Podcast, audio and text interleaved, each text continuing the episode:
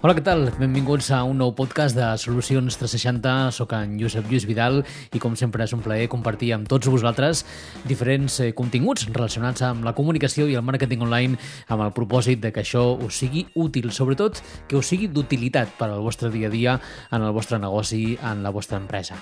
Doncs comencem i ho fem parlant avui de la visibilitat a internet.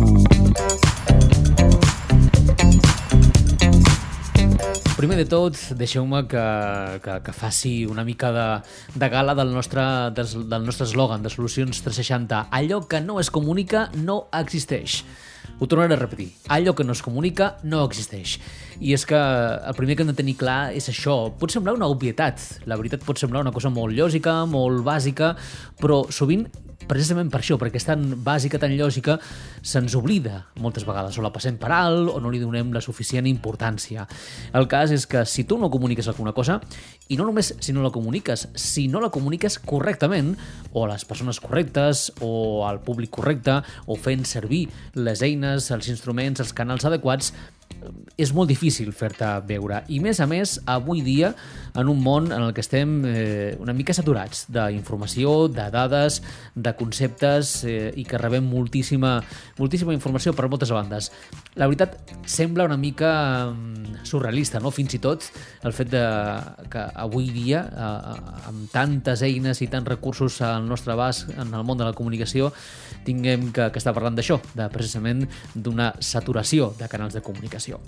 Bé, doncs, eh, respecte al tema que, que avui ens ocupa, primer de tot, Uh, M'agradaria fer un, una petita definició de, de, del que és la comunicació és només l'acció i el procés de transmetre un missatge amb l'establiment d'una relació i una interacció socials entre l'emissor i el receptor, és a dir, per exemple, eh, a través de mitjans de comunicació, a través de xarxes socials, etc etc.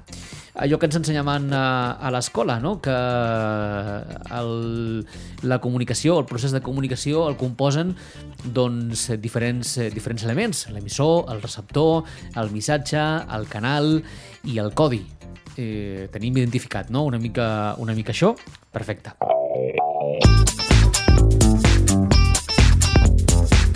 També és veritat que existeix eh, una diferència important entre la comunicació i el màrqueting. El màrqueting, ja sigui el tradicional o el màrqueting digital, tant és. Eh? Uh, al final, la comunicació vindria a ser com un paraigua que agrupa diferents eh, maneres i intencionalitats de, de comunicar.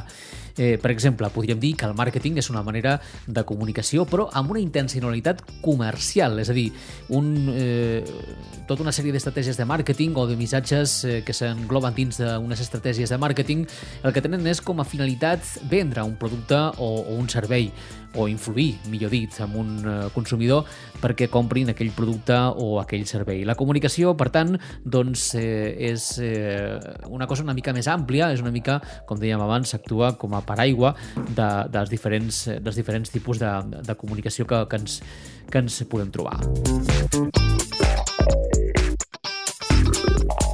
Dit això, arribem a un punt important en què ens plantegem la visibilitat a internet, que és el, el tema central del podcast, eh, del, del podcast que ens ocupa. Uh, per què ha estat difícil fer-se veure a internet? Fa molts anys, la veritat, bé, molts no, fa uns quants anys, eh, 10, potser només, com a molt 10, eh, no era tan difícil arrencar un projecte d'internet des de zero. Fos un portal, fos un web, fos un blog...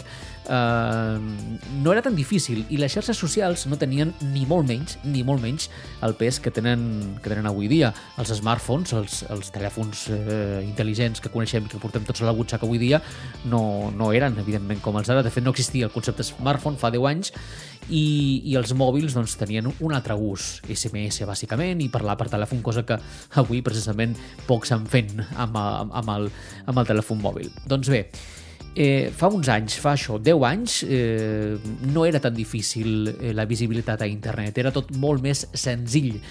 Per què ara s'ha tornat tan complicat fer-se veure a internet? I ja no parlo de les xarxes socials només, eh? parlo d'internet en general. Mireu, entre altres coses per el que comentàvem al principi, perquè hi ha molta informació, perquè hi ha una saturació d'informació i això provoca, atenció, desinformació. perquè hem de centrar molts, eh, molts esforços, hem de, hem de tenir molta energia per poder discriminar el que realment ens interessa, el que realment ens importa, el que realment estem buscant. Això per una banda. Després també per als algoritmes de les xarxes socials i també de Google. Eh, els algoritmes són aquells, eh, aquelles fórmules matemàtiques, uns programes, un software que el que fa és que eh, ordena el contingut que volem veure tant als buscadors com a les xarxes socials, eh, aquell contingut que, que teòricament ens interessa més. A les xarxes socials l'algoritme de Facebook, sobretot és molt conegut perquè tu pots tenir eh, mil amics a Facebook però només veure el que publiquen de manera regular 20 o 30 o 40 persones. Eh, I a Google, doncs, evidentment, eh, el posicionament, que, que per cert també ha canviat la seva manera de treballar en les darreres setmanes. Un altre factor que fa que sigui difícil avui dia tenir visibilitat a internet doncs que l'accés a internet s'ha multiplicat. Hi ha molta més oferta de, de continguts, trobem blogs de diferents temàtiques, molts blogs de diferents temàtiques. Vull dir, abans per exemple, de, de blogs o pàgines de tecnologia, n'hi havia tres de referència i ara n'hi ha 3.000. Per tant, això, mm, evidentment, dificulta la, la visibilitat de tot el conjunt.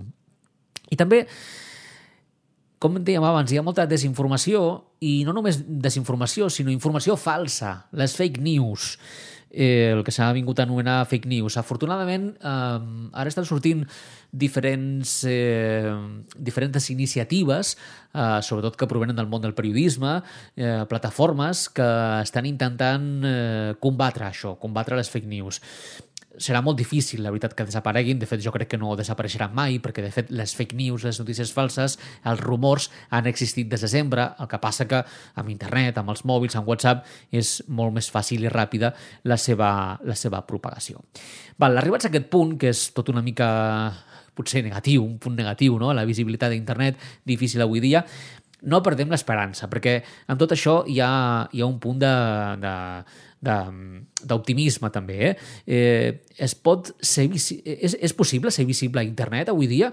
Sí, sí, sí, rotundament sí. El que passa que ens ho hem de currar, hem de treballar més que fa uns quants anys, però l'esforç us asseguro que, que, val, que val la pena. Com ho podem fer? Doncs, d'entrada, hem de marcar objectius des del principi. És a dir, no podem obrir una botiga online, no podem obrir un blog, no podem obrir un perfil de Facebook, d'Instagram, de qualsevol xarxa social sense saber què volem. I no val que em digueu que vols vendre més o que vols més clients o que vols eh, més diners. No, no, no, no. Això, en tot cas, són intencionalitats, són desitjos, són potser eh, no sabria com dir-ho ara mateix, eh, això, desitjos, intencionalitats. Realment l'objectiu és una altra cosa. L'objectiu ha de ser poder, eh, s'ha de poder mesurar, ha de ser concret. A més a més, ha de ser eh, específic, amb un temps determinat. És a dir, un exemple d'objectiu seria eh, vull tenir 300 eh, usuaris nous a Facebook abans del 30 de juny del 2019. Això seria un objectiu. Després ja buscarem la manera d'aconseguir aquests 300 nous usuaris.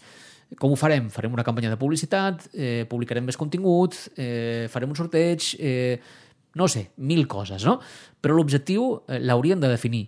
Mm, I, i, i valgui dir, doncs, evidentment, que eh, pot haver-hi de fet, és desitjable que n'hi hagi més, més, més d'un objectiu, d'acord? Per tant, s'han de fer les coses amb una meta, amb un objectiu en ment, d'acord?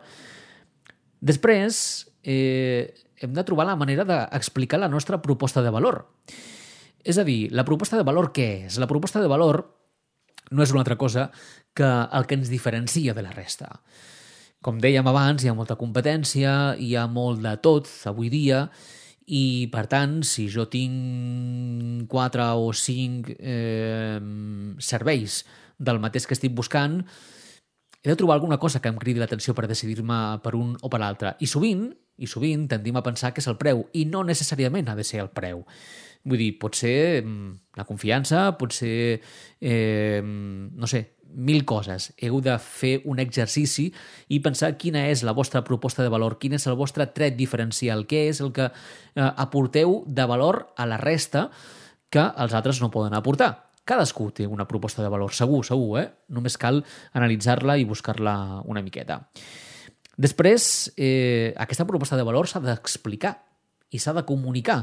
I a més a més s'ha de fer bé, com dèiem. Eh, s'ha de fer d'una manera clara, s'ha de fer d'una manera precisa, concisa, sense que hi hagi eh, marge a segones o, o terceres interpretacions. No, no podem ser ambigus en els nostres missatges. Hem de ser molt clars perquè no hi hagi marge per la, per la confusió o pels malentesos, d'acord? I sobretot és molt important també la constància i la disciplina, perquè els resultats en el màrqueting, en la comunicació, no són d'un dia per l'altre, no aconseguirem vendre més, no aconseguirem posicionar-nos com un referent en el nostre sector d'un dia per l'altre ni d'una setmana per l'altra. Hem de tenir molt clars que això és una carrera de fons, que no estem parlant d'una carrera de velocitats eh, però és que ni tan sols si aconseguíssim invertir molts diners tenim els resultats assegurats eh, amb un determinat eh, temps o curt temps. Ara, si fem les coses bé, amb constància i disciplina, evidentment hi ha moltíssimes més possibilitats de, de, de tenir un bon posicionament a mig i, i llarg termini. Més coses. Hem d'escoltar el nostre públic. Sí, sí, a escoltar. A escoltar el que ens diuen els usuaris, els clients, els potencials clients, fins i tot els que ens critiquen, perquè segur que hi ha alguna cosa de bona que, que en podem treure eh, d'una crítica de, de, de, o d'una operació que, que no ha sortit del, del tot bé. Tinguem presents també que a internet les coses canvien de manera molt ràpida. No només a internet, en el món actual les coses canvien de manera molt ràpida. Per tant, hem de ser dinàmics, hem de tenir la capacitat per poder eh, estar oberts al canvi i poder fer les modificacions que calguin en eh, qualsevol moment. És a dir, no podem dissenyar una estratègia, establir uns objectius i aquí oblidar-nos per sempre més. No, eh, això ha de ser revisable de tant en tant, eh, periòdicament, perquè si no podem caure en, en allò de quedar-nos obsolets i, per tant, eh, perdre visibilitat. I després s'han de fer accions i visibilitats, de, accions concretes i, i, i de visibilitat, vull dir, de publicitat i de màrqueting. Publicitat. Eh, la publicitat eh, és una estratègia més dins de tot un pla de màrqueting, d'acord?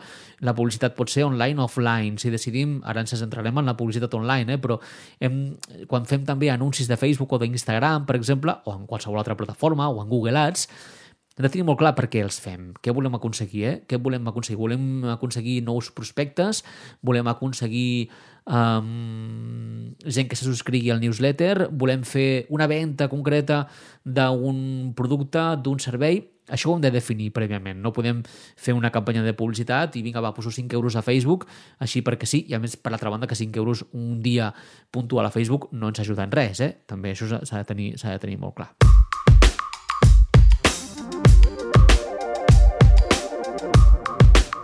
Per altra banda, quan parlem d'estratègies de visibilitat a internet, hi ha una que, mm, que de fet s'està posant molt al dia i que està inclosa dins el que anomenem l'inbound marketing eh, i, i són els continguts. És eh, l'aportació de valor eh, per als nostres clients, tant actuals com potencials.